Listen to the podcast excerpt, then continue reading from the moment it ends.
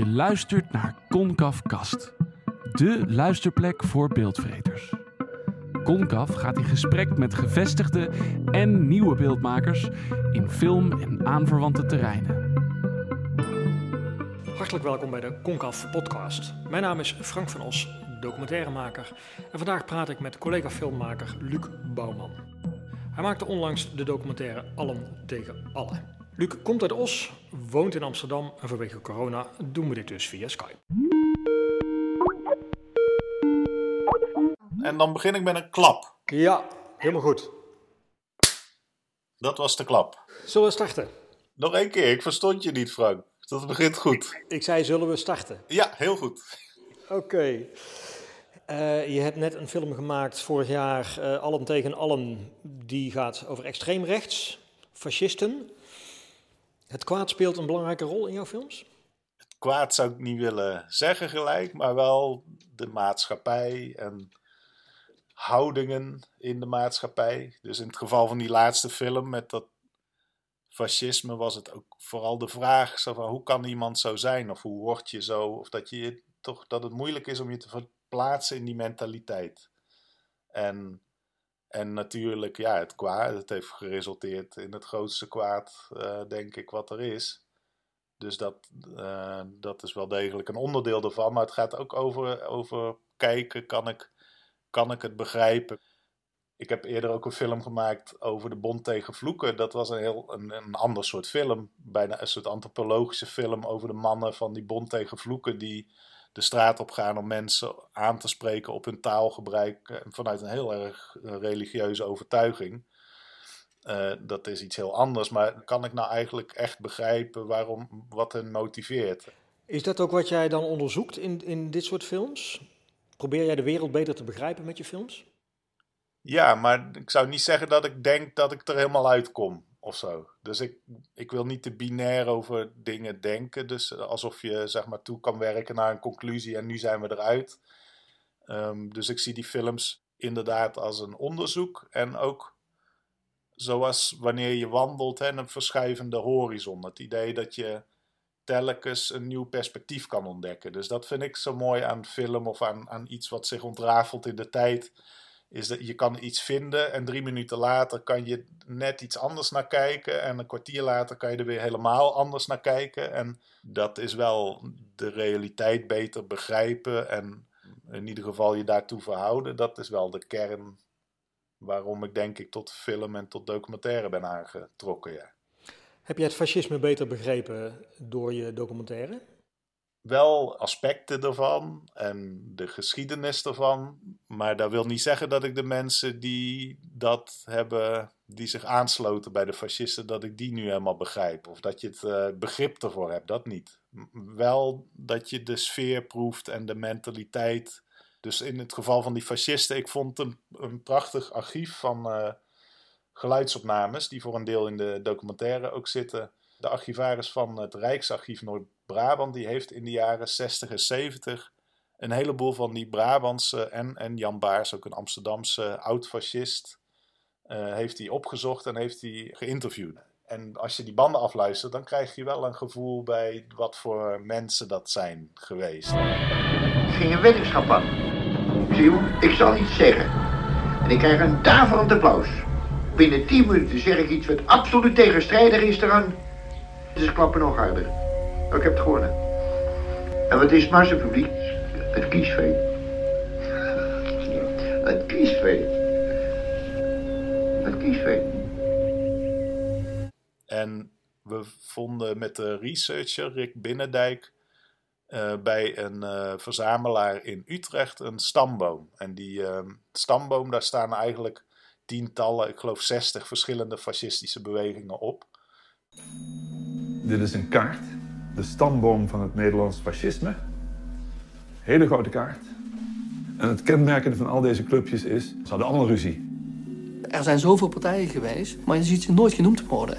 Je hebt een soort determinatie gedaan, volgens mij, van het fascisme voor de oorlog. Ja. Dat was ook het plan? Ja, ik wilde onderzoek doen eigenlijk naar al die verschillende bewegingen.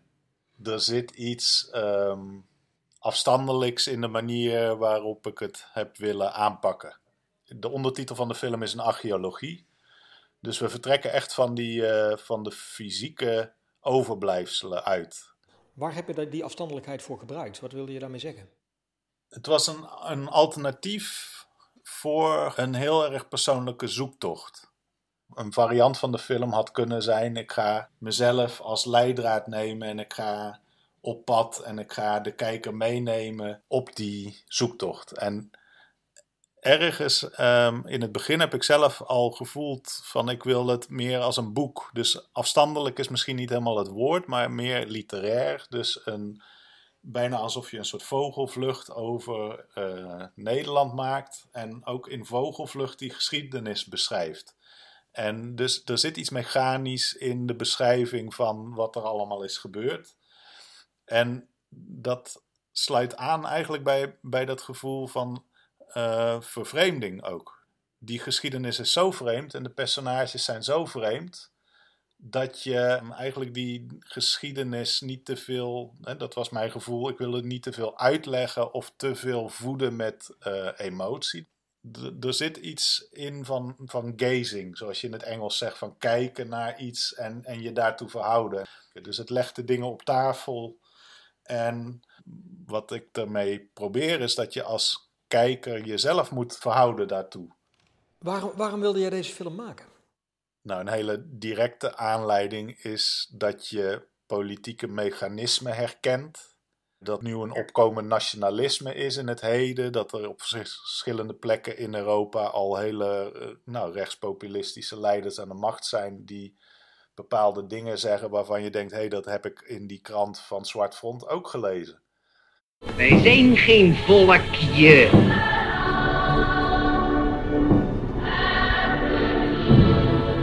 Dat er dingen zich aan het ontwikkelen zijn die 20 jaar terug of 30 jaar terug ondenkbaar waren. Aan de andere kant ben ik ook wel genuanceerd over die vergelijking van, van toen en nu. Dus ik wilde ook niet een film maken waarin je gaat zeggen: kijk, wat er nu gebeurt is precies hetzelfde als wat er toen gebeurde. Ik vond het een intrigerende, maar vooral ook monumentale film. Ja. Dat fascisme heeft ook iets monumentaals. Ja. En vergeef me de vergelijking, maar die mag ik niet maken, maar ik had af en toe een beetje Leni Riefenstahl-achtige associaties. Ja, uh, in het filmplan had ik al het idee, dus in een vroeg stadium, om iets te doen met luchtbeelden. Nou zie je dat heel vaak natuurlijk, hè, drone shots. Welke documentaire heeft geen drone shots nu, maar uh, toen het plannetje lang geleden ontstond, was het nog het idee om dat met zeppelins te gaan doen. Dat waren toen. er waren film zeppelins.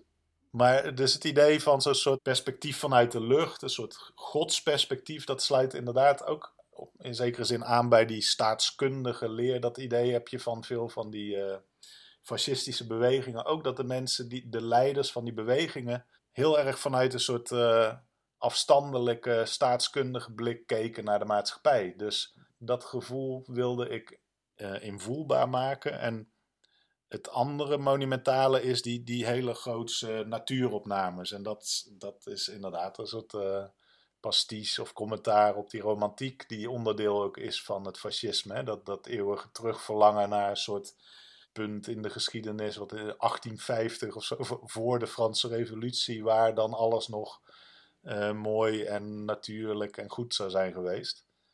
En dat is ook iets wat eigenlijk heel direct uit die uh, kranten en die tijdschriften van die fascistische bewegingen voor de oorlog, daar zie je dat. Hè? Dus de linkerpagina is een foto van een prachtige molen in een ondergaande zon. En de rechterpagina is vreselijk uh, hatelijke antisemitische propaganda. Dat was de achtergrond eigenlijk van die natuurlijk, van die drone shots in de film.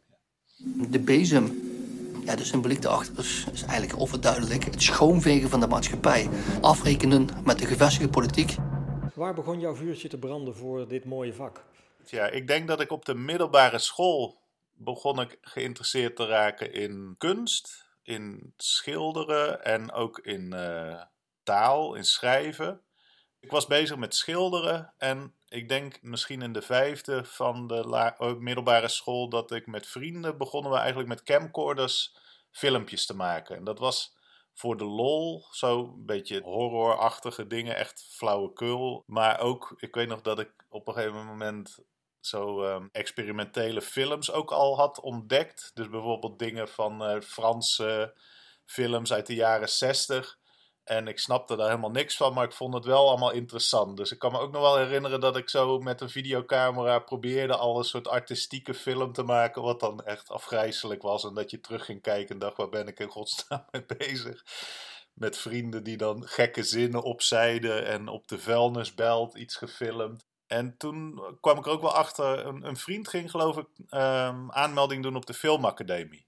En ik zag wat daar allemaal voor nodig was. En toen dacht ik, oh, dat is niks voor mij. Dus dat was allemaal zo complex. En ook het hele idee dat je zo, zo alle shots in een film zou moeten gaan draaien of zo. Dus dat was het moment dat ik me realiseerde, oh jee, alles is gemaakt. Dus ik, in eerste instantie dacht ik, nee, dat is, ik wil gewoon lekker schilderen en schrijven en al die dingen gaan doen. Dus ik ben naar de kunstacademie gegaan om te schilderen. Een kunstacademie in Breda, de Sint-Joost. Ik heb de eerste twee jaar in uh, Breda ook nog uh, dus autonoom kunst gedaan. En toen was er een aantal docenten van de filmafdeling, waar we dan ook een kwartaal volgens mij al les in hadden gehad. En toen begon me dat toch opnieuw heel erg aan te spreken. En, en vooral ook ontdekking van uh, documentaires. Um, toen waren er op de VPRO ook wel af en toe mooie documentaires. En werd helemaal gek op uh, zo die, ook jaren 60 uh, direct cinema-achtige films van uh, Frederick Wiseman en de Measles Brothers. En toen dacht ik, oh ja, dat documentaire is anders dan, dan speelfilm. Daar kan je eigenlijk ook een variant voor verzinnen dat je alleen op pad gaat of met z'n tweeën. Dus daar hoeft dan niet zo'n enorm onhaalbaar project te zijn. En het mooie van de opleiding in Breda toen vond ik dat dat ook ergens midden tussen de kunstopleiding en de filmacademie in zat. Dus er werd wel gewerkt aan films. Hè? Dus je kreeg een opdracht van een half jaar en dan moest je aan het eind van het half jaar moest je een film af hebben. Maar wel behoorlijk experimenteel en, en heel erg inhoudelijk. Uh, minder gericht op televisie dan sommige van de echte AV-opleidingen.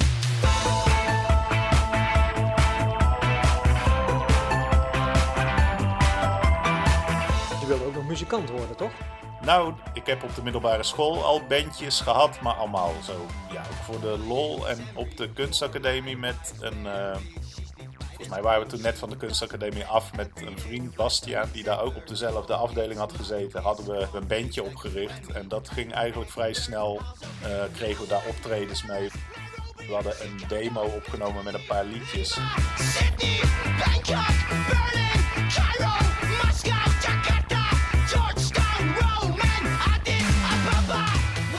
Via, kwamen we in Mexico terecht bij een kunstenaar die daar een label had uh, opgericht.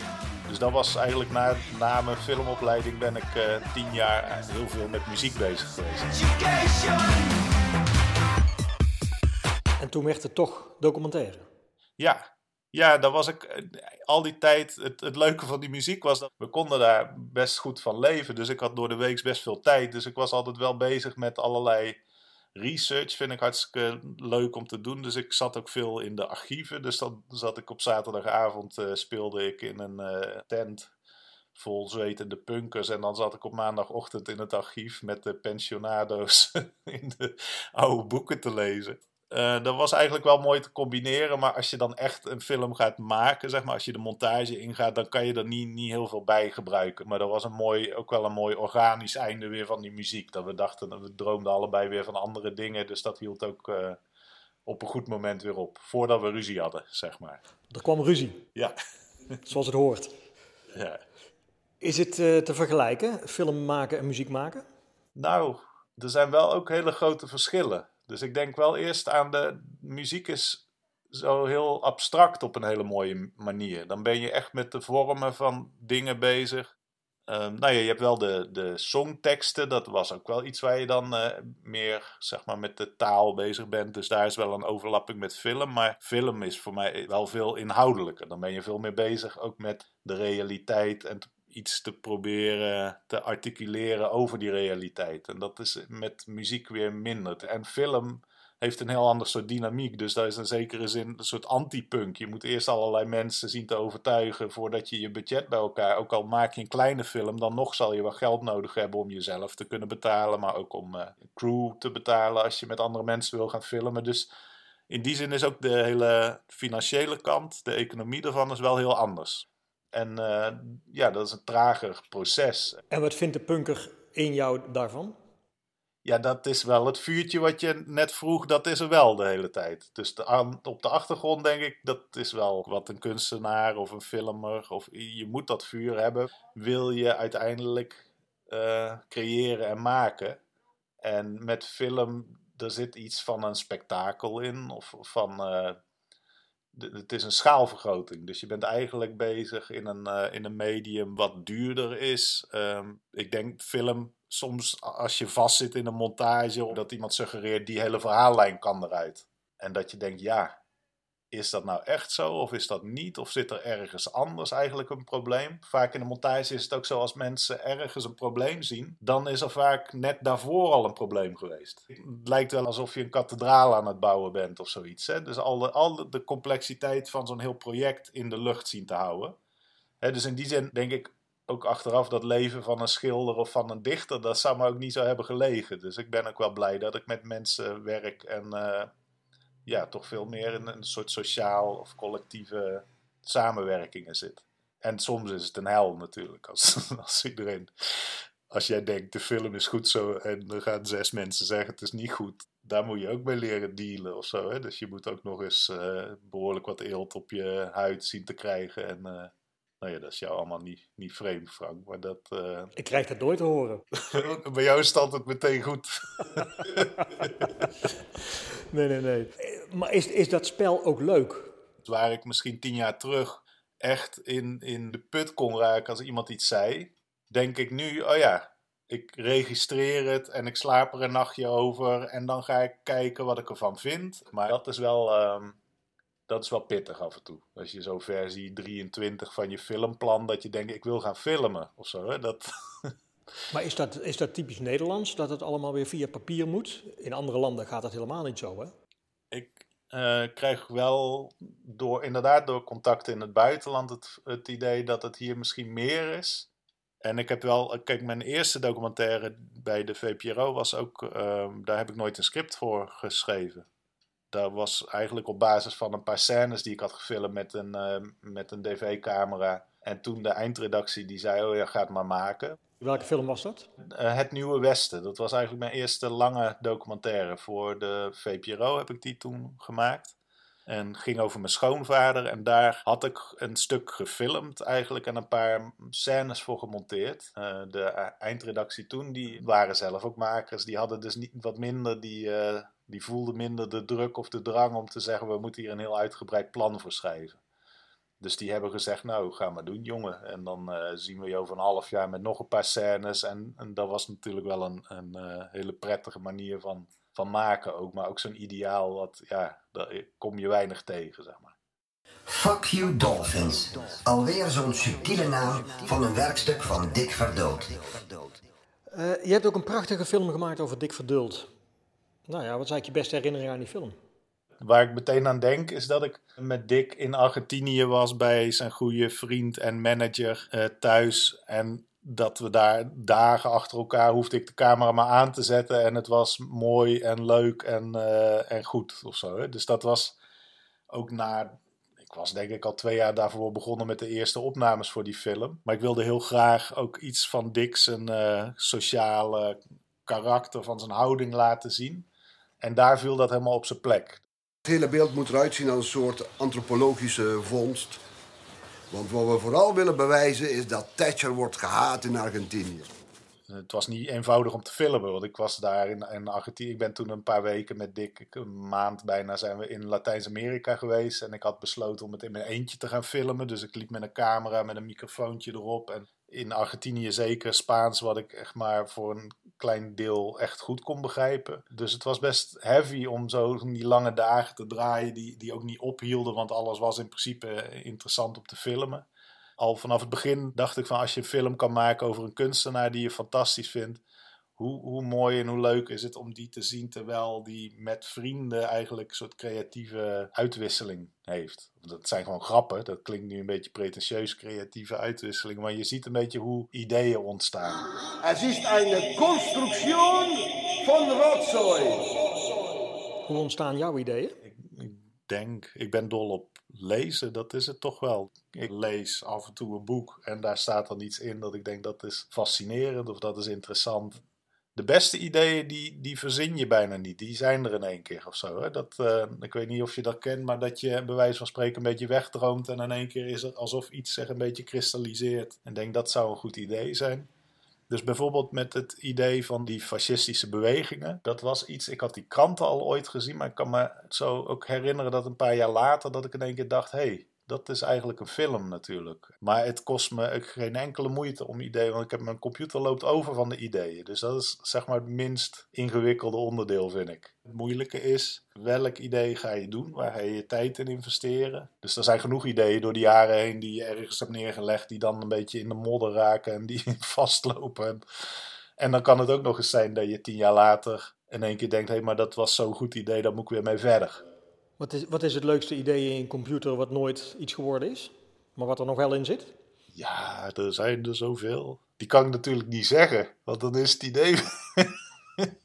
nee, ik heb een hele rijen vol ook comedy-ideeën of zo. Dus ik ben met documentaires bezig, maar ik droom ook wel eens van uh, een comedy-serie of dat soort dingen. Dus bijvoorbeeld een idee, maar dit mag dan geen enkele luisteraar van deze podcast mag dit idee jatten. Maar het leek me fantastisch om een film te maken, een comedy over een schilder die niet zoveel talent heeft. Eigenlijk een mislukte schilder in de Gouden Eeuw. Dus ten tijde van, van Rembrandt en Vermeer. Dat je net de, de man waar we niks van weten. Nou, er wordt flink gelachen daar. Ja, die, die is dus niet van de grond gekomen nog. Misschien is, ben ik de enige die het een goed idee vindt. Ik was gewoon benieuwd wat er dan ging gebeuren. Oh, ja, jij zat te wachten op de clue, ja. Nee, dit leek me een hele goede premisse. Zo'n man die dan eigenlijk probeert. Want je had ook de mannen die chronieken schreven over hun eigen tijd. Hè? Dus stel nou dat deze man de hele tijd in de buurt van die chroniqueur wil zijn. om toch ook zo'n rolletje of zo'n plekje in de geschiedenis te krijgen. En, en ik had ook lol met het idee dat je iemand zou zien schilderen. en dat het resultaat telkens teleurstellend is. Dat je dan die, man met een mooi pakhuis aan de gracht. en dan komt zijn portret binnen en dan is het net niet. Of zo. Dat hij denkt: was ik nou toch maar naar die en die gegaan. had ik nou toch maar iets meer geld uitgegeven. hey, en ben je aan een nieuwe documentaire bezig?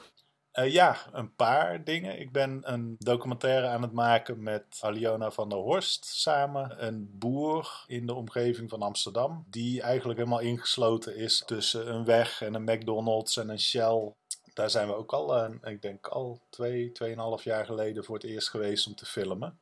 En uh, ja, het gaat over hoe het landschap verandert ook. Dus hij heeft hele. Vroeger was er alleen hun huis en dat was de polder. En an andere boeren in de omgeving. En nu is het uh, distributiecentrum en pijpleiding en om de minuut een vliegtuig. Dus het is ja, het verhaal van de oprukkende economie en stad.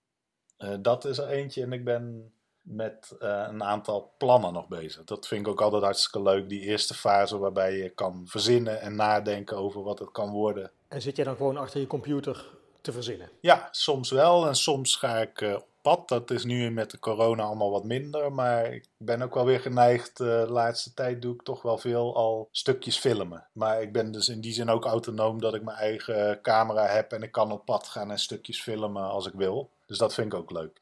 En een andere film is meer een archieffilm. En die, uh, ja, dat is dan research en uh, kijken wat je ervan kan vinden. En het is allemaal geheim waar het over gaat? Die wel, ja. Want die moet nog uh, ingediend worden. Want, waar gaat die over? um, over de geschiedenis. Van? een onbekende Nederlandse geschiedenis. Ja, meer, meer mag ik daar niet over zeggen. Mag gewoon niet. Hey, over tien jaar, welke film moet jij dan gemaakt hebben? Ik ben uh, met een uh, heel groot, ambitieus idee ook nog bezig. En dat gaat over de ruimtevaart. En dat hoop ik dat dat over tien jaar uh, gemaakt is. En dat is spannend. Dat is ook een idee waar we nu aan, aan het werken zijn.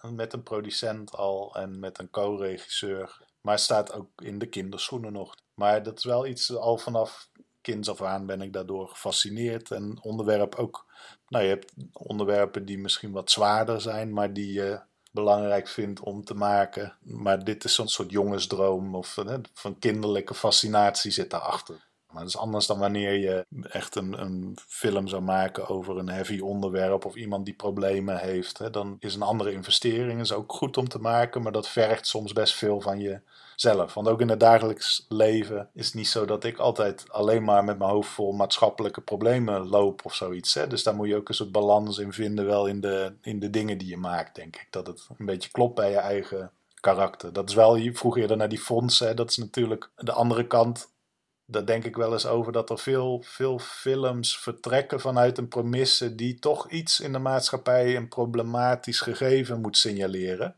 Behalve misschien kunstdocumentaires, maar daarom zijn kunstdocumentaires vaak ook wel heel fijn. Of muziekdocumentaires, omdat ze gaan over nieuwsgierigheid of over creativiteit. Sommige vrolijke onderwerpen komen er denk ik niet doorheen, omdat ze misschien te weinig urgentie hebben. Of als dat dat zo wordt gezien. Terwijl kunst by nature niet per se uh, urgent is. Of zo, hè? Dat is de aantrekkingskracht van kunst, is dat je niet precies weet wat het is. Dat is het domein waarin je dingen mag ontwikkelen die, uh, die niet duidelijk zijn. Zijn uh, de journalisten te veel aan de macht in filmland? Nee, dat zou ik niet zeggen dat dat het het ding is, ik denk dat er een bepaalde cultuur is van hoe je plannen beoordeelt. Misschien hebben ze ook gelijk van waar mensen wel of niet naar willen kijken. Dat vind ik ook altijd een lastig gesprek, want wie, ja, dat weet ik ook niet precies. Als je denkt aan Wim T. Schippers, ja, die, die dingen die zijn juist ook zo goed omdat ze onduidelijk zijn. Of omdat je niet precies weet waar het over gaat. Of omdat het alle kanten op gaat. Dus ik zou enorm pleiten voor toch altijd dat soort autonome, meer autonome plekken te reserveren. Waarin je eigenlijk zegt, bij wijze van spreken de investering doet van waarschijnlijk is het niks en misschien wordt het wat. Of zo. Dat, dat is ook een houding. In plaats van alles moet topniveau en goed beschreven zijn. En, uh, er mag meer uh, ruimte zijn om te klooien. Zeker, ja. Dat was ook een beetje de belofte van het internet. Dat gebeurt dan voor een deel ook wel, maar dat is zo goed van een uh, publieke omroep. Is dat je hoopt dat die, wat dan talentontwikkeling wordt genoemd. Je, je hoopt niet dat het alleen maar klaarstomen is voor succes of voor zo maak je een, een film. Hè, dat, dat heb ik ook wel gehoord. Dit is geen film of zo. Dan ben ik altijd, wie zegt mij, niemand kan mij vertellen wat wel of niet een film is. Of zo. Dat mag je ook nog eens zelf bedenken. Ja, dat kan je nou roepen, maar als je geen geld krijgt, dan houdt het ook op. in die zin zijn uh, producenten misschien nog belangrijker in, met commissioning editors om zo'n sfeer te creëren waarin dat kan ontstaan dan de makers zelf. Maar het is moeilijk om, om geld te verdienen met uh, film buiten kanalen om. Ja.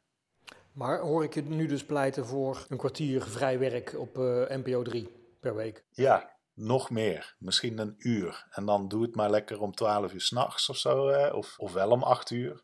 Er zijn zo tendensen waarbij ook bijvoorbeeld omroepen misschien iets te veel weer in hun eigen verhaal, in de identiteit van de omroep en dat dan daar wordt naar gekeken ik heb al mijn leven lang een beetje de, het verhaal dat je dan dingen verzint die precies tussen twee loketjes vallen. Dus dat was al met mijn eerste film, was uh, een film over een wetenschapper die ook kunstenaar was. Ging ik op gesprek bij de VPRO, dan ging ik eerst naar de wetenschapsredactie en dan naar de kunstredactie. En dan zeiden ze, ja, maar het valt er precies tussenin.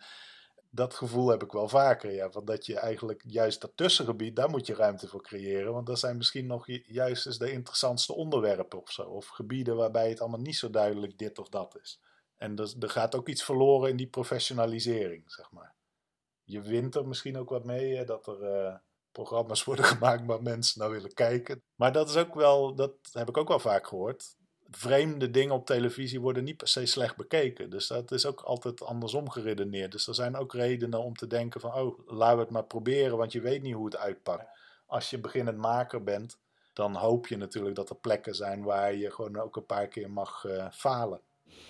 Het is wel grappig dat jij, dat, dat jij dit beschrijft. We zijn zo gewend om, om te denken, oké, welke omroep zou dit willen hebben? Oké, dan moeten we daar een beetje rekening mee houden. Ik, ik stuurde laatst een muziekidee uh, naar de AVRO. Ja, dat kan dan eigenlijk niet, want ja, dat hoort dan bij de NTR.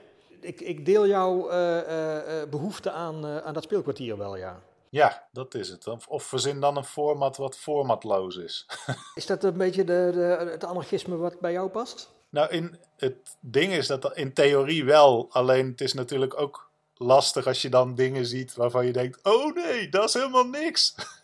dus ik ben ooit bij Waskracht, was zo'n programma van de VPRO, dat was dan ook echt zo'n kweekvijver. En dat zijn wel hele fijne plekken, dat je inderdaad een beetje kan rommelen en dingen kan uitproberen die misschien niet zo goed worden, maar toch goed om het uit te proberen ja, dat, dat zie je wel als mensen nu beginnen. Dan lijkt het wel nog meer dat je klaargestoomd wordt voor die profielen of zo. Hè? Van ik ben dit en ik maak dit en dit is mijn passie of zo. Terwijl voor mezelf geldt dat ik dat ook allemaal niet zo op een rijtje heb of zo. De ene film is weer heel anders dan de andere. Maar het zijn ook een beetje de wetten van televisie, vrees ik. Dat de kijker gewoon heel snel toch helderheid wil hebben over wat zien we nou eigenlijk. Nou, ik weet niet of dat. Het is best moeilijk om te benoemen, want in de regels van film. Is allemaal niet in steen gegraveerd, maar je hebt wel van die wetten dat. eh, in de eerste twee minuten vertel je waar de film over gaat. Maar dat pakt vaak ook heel saai uit. Dat je denkt, ja, ik wil juist ontdekken. Of zo. Ik, vind, ik blijf eerlijk gezegd eh, eerder hangen bij iets wat ik niet helemaal begrijp. dan iets wat ik veel te goed begrijp. Of zo, hè. Dat is ook dodelijk saai als iemand de hele tijd eh, uitlegt wat, wat, waar zit je naar te kijken. En dit vind ik. Het is veel filmischer als iets intrigerend is. Of inderdaad dat uitstellen. Dat is wat je met film ook doet. Hè? Dat je aan de ene kant verhult en aan de andere kant onthult. Of zo, zoals Hitchcock met zijn films. Hè? Dat is suspense ontstaat doordat je niet alles weet. Dus als je te snel opvolgt die wens van wat dan de kijker zou willen, dan kan het ook nog eens zijn dat je, je je in je eigen wielen rijdt. Dat je echt gewoon een heel saai ding aan het maken bent waar mensen vervolgens na die introductie wegzeppen omdat ze denken ik weet het al. Mooi. Ontzettend leuk om elkaar te spreken. Ja, nou hartstikke bedankt. Hey, de groeten daar. Doei.